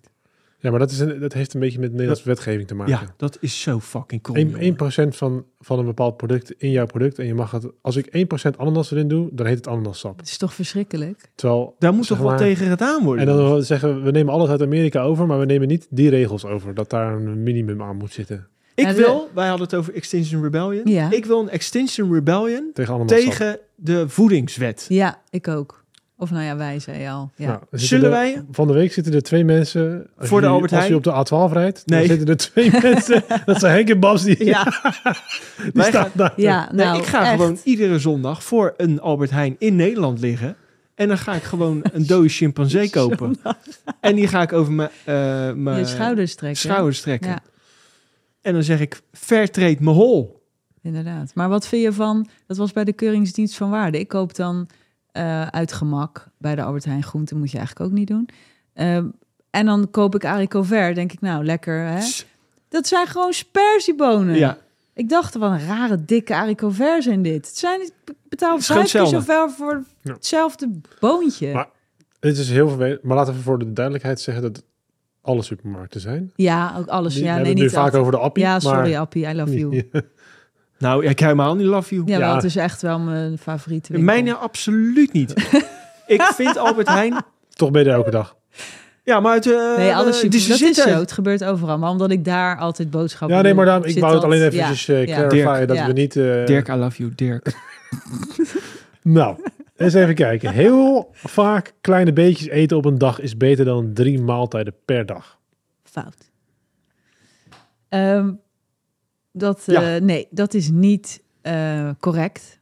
Ehm, omdat, het zijn eigenlijk een heleboel redenen waarom dat niet goed is. Maar A, zijn we helemaal niet gemaakt om heel de dag door te eten. Want de oormens ging natuurlijk ook ehm, gewoon op jacht in de ochtend. Eigenlijk op een nuchtere maag. Kijken of hij nog een bokje kon schieten om dat lekker te grillen ergens op een vuurtje. Een bokje. ja, een ander Maar je diertje. gaat niet elke dag achter een Kijk, tijger een bok. Ja, hop. Ehm, en dan hadden ze weer wel, en dan hadden ze weer heel lang niks. Nou goed, zover, eh, we zijn nog niet zo geëvalueerd dat ons lichaam heel anders werkt. Dus in principe is dat nog steeds, daarom is dat intermittent vasten ook zo goed eigenlijk. Dat is een goed dat je dat aanhaalt. Ga door. Oké, leuk. Zal ik daar even wat over vertellen dan, tussendoor? Even voor de duidelijkheid, dat is niet eten tot 12 uur en dan niet eten na 8 uur. Ja, bijvoorbeeld. Je kan dan kiezen, je, er zijn verschillende variaties, maar de meest bekende is inderdaad 8 uur eten, 16 uur vasten. Dus dan kan je zelf kiezen 11 tot 7 of 12 tot 8, wat jij fijn vindt. Ehm, en dan eet je gewoon, want dat is nog wel even heel belangrijk om erbij te ver- vermelden, dat ehm, veel mensen die dan ook bij mij komen zeggen, "Ja, ik doe intermittent vast. Oh echt nou, wat eet je dan? En die eten dan een boterham met kaas en Dat ben ik een dus. Ja. Dat was ik. Even serieus. Ja, was jij dat? Nou, Henk, echt. Dus het is wel de bedoeling dat je binnen die, dat tijdsraam, dus die acht uur, drie volwaardige maaltijden eet. En met volwaardig bedoel ik iets waar eiwitten in zit, koolhydraten of langzame koolhydraten. Dus Uitgedachte maaltijden. Ja, groente, fruit, havermout, noten. En iets met eiwitten. Of had ik die al gezegd? Vetten. Nou, in ieder geval koolhydraten, vetten, eiwitten. Ehm, in die 16 uur dat je niet eet, kan je lichaam zichzelf herstellen. Dus je cellen worden gerepareerd, ontstekingen verminderen, eh, je insulinegevoeligheid die stijgt, je hersenen worden hersteld. Dus, want je lijf heeft gewoon even, hey, we hebben vrije tijd, we kunnen even wat reparatiewerkzaamheden uit gaan voeren. Dus eigenlijk is dat heel goed. Dus als jij de hele dag dingetjes naar binnen loopt te duwen. Kijk, je spijsvertering moet natuurlijk ook je koud. Het komt in je maag, het moet verteerd worden. Eh, je alvleesklier moet eh, enzymen aanmaken. Er wordt van alles in gang gezet. Kost allemaal energie. Voor wat? Voor dat stukje chocola of die gevulde koek die je dan... Maar er is ook een beetje een... Ge... Ik hoor dan vaak als mensen dat zeggen, eh, over de intermittent vasten, Mhm. Ja. dat daartussenin mag je helemaal losgaan. Nee, dat is echt Dus onzin. weet je wel, dan kan ja. ik om 12 uur pizza eten en om 2 uur de, kapsalon en dan s'avonds bij wijze van spreken. Omdat je dus als... als Smiddags of s'avonds? Ja. Ja, maar als je als wederwoord zegt van ja, maar ik doe wel intermittent fasting. Ja, nou ja, weet je wat het is? Kijk, je kan wel die pizza en die dunne kebab en die shawarma, of weet ik wel, ik weet niet eens wat het verschil is eigenlijk. Maar in ieder geval die dingen allemaal gaan eten. Maar je, je moet je lijf wel voeden. Je moet wel brandstof in doen, want anders, Ja. ja, al die loze dingen. Kijk, natuurlijk kan je een pizzaatje, dan gebeurt echt niks, is ook lekker, word je ook blij van, is ook belangrijk. Als ik geen pizza kan eten, dan eh, doe ik niet mee hoor. Nee, Ook. nee maar dat is ook, ik vind het zelf ook lekker. Maar je moet, als je dan denkt, ook ga s'avonds pizza eten, dan kan je zeggen, s ochtends en s middags doe ik dan even extra goed. Dan kan ik vanavond lekker pizza, neem ik ook nog tiramisu en ook nog eh, drie biertjes. Ja. Je moet een beetje eh, balans. Dan eigenlijk skip je het ontbijt, soort van. Want je gaat pas om 12 uur eten. Ja, je ontbijt om 12 uur. Maar Dus dat is wel je ontbijt. Ja. Ja, En wanneer zou je dan lunchen? Om 3 uur. nou, om drie uur of zo, ja.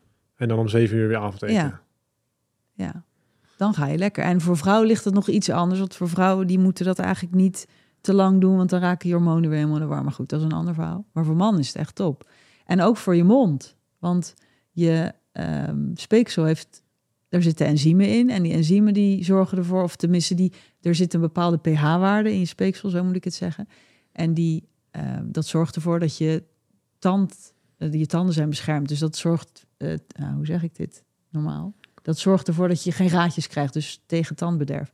Als je iedere keer wat eet, je stopt de hele dag eigenlijk dingen in je mond, dan eh, kan dat speeksel zich niet meer, die pH-waarde zich niet meer herstellen.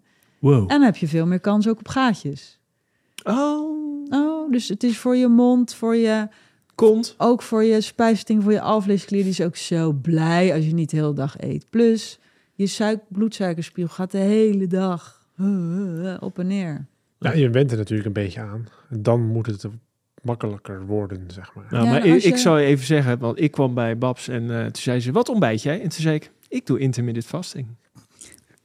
En dan liep En zei je ze, oké, wat doe je dan? Ik zeg, nou ja, ik sta op. Ik ontbijt lekker niet. Ik neem een, eh, een bak koffie, nog een bak koffie. En dan ga ik om een uurtje of twaalf ga ik eten. En dan eh, om drie uur eh, schuif ik er nog even een gevulde koek in. En eh, s s'avonds ga ik avondeten. En dat was het. Dus eh, drie maaltijden. die gevulde koek is wel een suikerbom, hè? Snap je, zegt Henk. Jezus, doe even een niet dat, alsjeblieft. Ga jij gewoon alsjeblieft wel ontbijten en doe dat intermittent vasten en intermittent vasten niet. Want je moet die maaltijden, als jij intermittent va- intermittent vast, dan moet je echt serieus goed vreten regelen hè, voor jezelf. 12 uur moet een goede maaltijd, 3 uur een goede maaltijd en s'avonds ook echt een goede maaltijd. Nou, en ik heb s'avonds altijd een goede maaltijd, want ik eet HelloFresh. Koop je box bij HelloFresh. HelloFresh is top, maar HelloFresh is wel te weinig. Ik krijg te weinig voeding binnen, want ik koop een box voor twee personen en inmiddels vreet mijn dochter mijn deel op. Dus eh, ik ben uitgehongerd. Nou, voordat we dadelijk naar onze goed. quick tips eh, hebben wij, hebben wij nog gaan. tijd voor de volgende? Ik wil stelling? er nog eentje doen eh, en dan doen we wat tips. Ik zou graag die eh eiwitshakes. Is dat onzin Oh, ja. of De Joel Beukers. Want ja, die, die, die, ja, want al die, die shakes, ik, als ik dan de stelling nog iets meer kan toevoegen, Mhm. Ik heb het idee dat er niemand aan het testen is wat de langdurige effecten zijn van die shakes, waarbij staat dat je 30 eieren in één shake naar binnen schuift. Hoeft dat, zeg maar, als hij dan over 20 jaar, is er echt iets niet goed in zijn lichaam, nadat hij hier een soort van legale steroïden naar binnen heeft zitten pompen, zeg maar. Dat is mijn instelling. Ja, ja, nee, ja. Die eiwitten, die zijn natuurlijk super belangrijk, want het is ook net als die vetten en die koolhydraten of langzame koolhydraten, eh, de, een van de macronutriënten. Dus die heb je nodig. wow. Wat? Mooi woord en gelijk. Macronutriënten. Bam! Ja, Wauw, ja klopt. Ehm, Trots. Wauw, dank je. Ehm dan ben ik helemaal mijn verhaal kwijt. Oh, Oh, ja, shit, nou sorry. goed, we hebben dus eiwitten nodig. En als je, zeg maar, normale mensen die af en toe een beetje sporten, die hebben eigenlijk 0,8 gram eiwit per kilogram lichaamsgewicht nodig.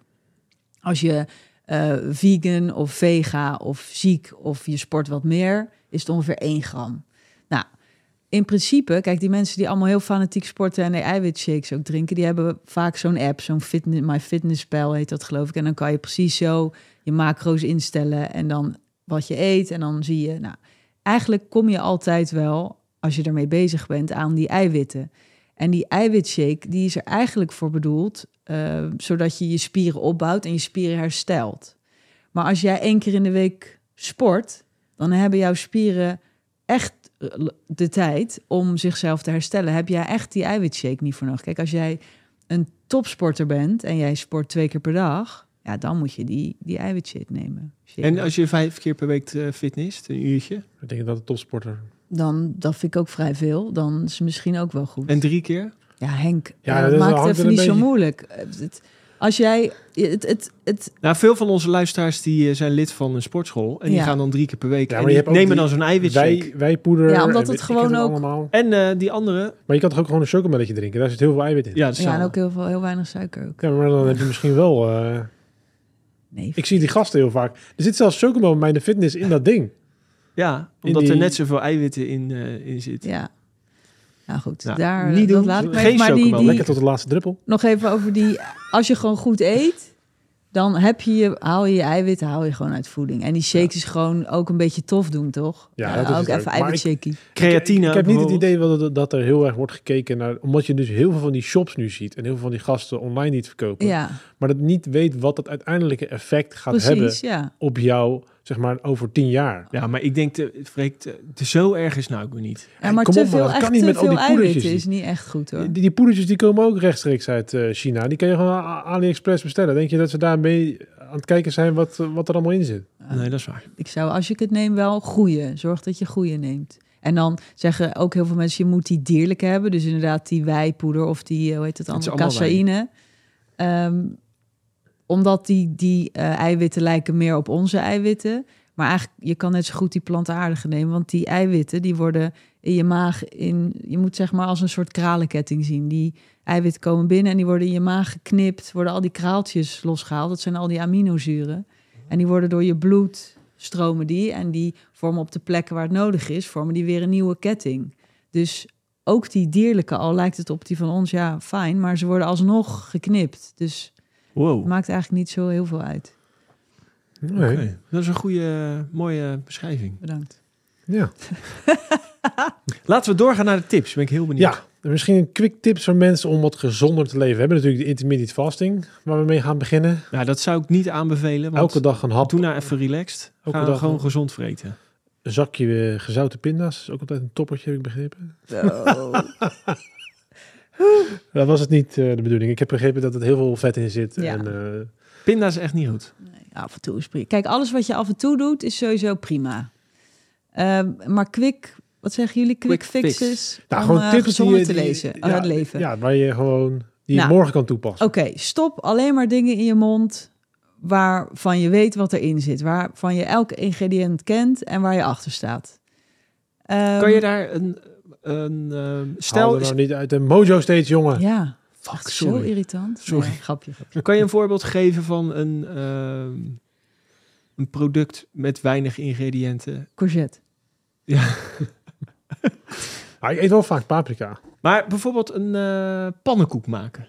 Is dat, een, eh, is dat iets? Een pannenkoek van, gewoon een hartige pannenkoek? Mhm. Ja? Kan Dus, je eh, bijvoorbeeld met met, boekenwijd... en- Oh, van banaan bedoel je? Een Banaan. bananenpannenkoek. Ja, banaan en b- boekwijd kan je erin doen? Nou nee, die zou ik, Oh. bananenpannenkoek zou ik met havermout doen. Havermout, banaan. En kaneel Meel. doe ik dan. Ik doe geen ei. Sommige mensen doen Oh, een ja. ei, maar dat doe ik niet. Plakt wel echt bizar aan je pan, maar goed.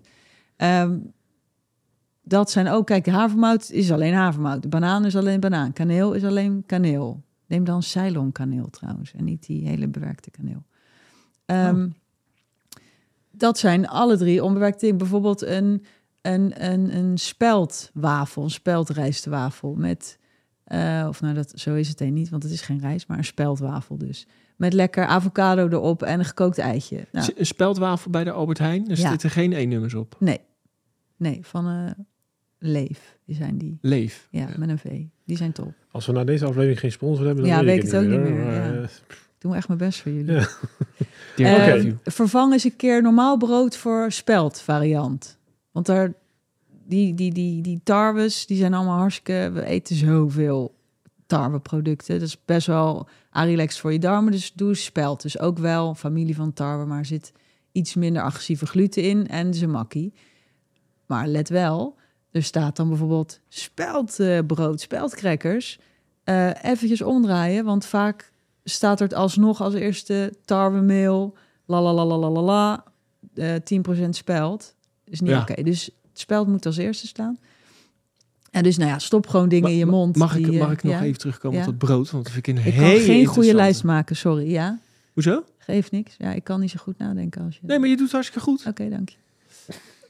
Ik wel even inhaken op eh, per onderwerp, sorry. Ja. Geef niet, ga door. Eh, die, dat brood, speldbrood heb je ook bij de Albert Heijn. Ja. Of bij de, een van de grotere supermarkten. Maar ja, De, die, dat, daar zit helemaal geen speld in. Het is gewoon fugazi. Nee, die liefde en passie brood van een bepaalde supermarkt. eh speld voor koren. Kijk, het beste is gewoon bij een, bij een leuk bakkertje die het zelf maakt. Maar als je even geen tijd hebt, want niet iedereen heeft tijd om naar leuke bakkertjes te gaan, dat begrijp ik heel goed. Dan is dat een optie. En dan moet je die Chinese haren die daar allemaal in zitten, die moet je even niet over nadenken. Chinese haren? Ja, er zit allemaal Chinese haar in dat brood. Dat meen je niet? Echt? Ja. Hoe kom je daarbij? Daar halen ze een bepaald... eh, eigenlijk doen ze dat volgens mij iets met eendenveren of zo. En dat vermalen ze, maar dat is natuurlijk best wel lastig te krijgen, eendenveren. Dus nu, in China kan je je haar verkopen. Dus dan wordt die, komt er iemand langs en die knipt al die kinderen kaal. En dat haar wordt in een... Dat zag ik toen, was ook bij de keuringsdienst. Zo'n hele grote betonnen eh, loods. En dat was echt met bergen vol met die zwarte haren. En stond een gozer in met een soort bezem en een hark met een peuk. Lagen ook overal peuken tussen die haren. Ehm, die was het een beetje zo aan het aanvegen. En dan dat haar wordt, ja, ik weet niet precies hoe dat gaat hoor, maar dat wordt denk ik vermalen of zo. Dan halen ze een bepaald eiwit uit, wat het brood lekker fluffy maakt. Ja, maar je, je hebt dan... Je hebt een Ja. Amerikaans gezegde en dat is... Nobody wants to know how the hot dogs are made. Ja. En Ja. dat geldt bij... Ik denk bij heel veel eten. Het is nu een nasty verhaal, maar ik denk dat als jij, weet je... Bij avocado, dat is ook eh 65 liter... Heeft je nodig per avocado ja, ongeveer. En dat er is hele, verschrikkelijk. hele Ja. landen die worden daar uitgeperst om, om die, eh Ja, die mega zo 3 te, te, te Ja, scoren, zeg maar. Ja. Heel zielig. Dus ja, maar hebben we dan de finale tip Ja. als afsluiter? Ja, jongens, ik ben nu helemaal natuurlijk van me apropos van die lijst. Maar goed, eet, Sorry. stop dus dingen in je mond die goed zijn. Eh, zorg ook, want om gezond te leven, bewegen. Zorg dat je iedere dag een beetje beweegt. 30 minuutjes in ieder geval. En zorg dat je elke dag iets doet waarvan je ontspant. Dus iets leuks. Een boekje lezen of iets gezelligs doen. Of eh, een rondje lopen of muziekje luisteren. Ehm, film kijken en Netflix en TikTok telt niet. Is een eh, wandelen, is dat ook sporten? Door een half uur Dat is wandelen? beweging. Dat is beweging, dat is goed hoor. Hartstikke goed. Dan heb ik hem. Oké. Wanneer kunnen we het boek verwachten? Ehm, ik hoop, eh, nou eigenlijk is mijn doel januari. Dat we lekker eh, ons elkaar onszelf helemaal vol vreten met kerst, kalkoenen, kransen, dingen. En dat je daarna gewoon even lekker in die modus Ja, januari is natuurlijk eh, de number Toch? one fitnessmaand. Dacht ik ook. Januari 2024. Ja, kan je lekker eten, lekker sporten. En dan denk je, potverdorie, en waar kan het, eh, het boek downloaden? Waar dat kan? Ja, Henk, ik Fysiek? heb... ge- Weten we nog niet.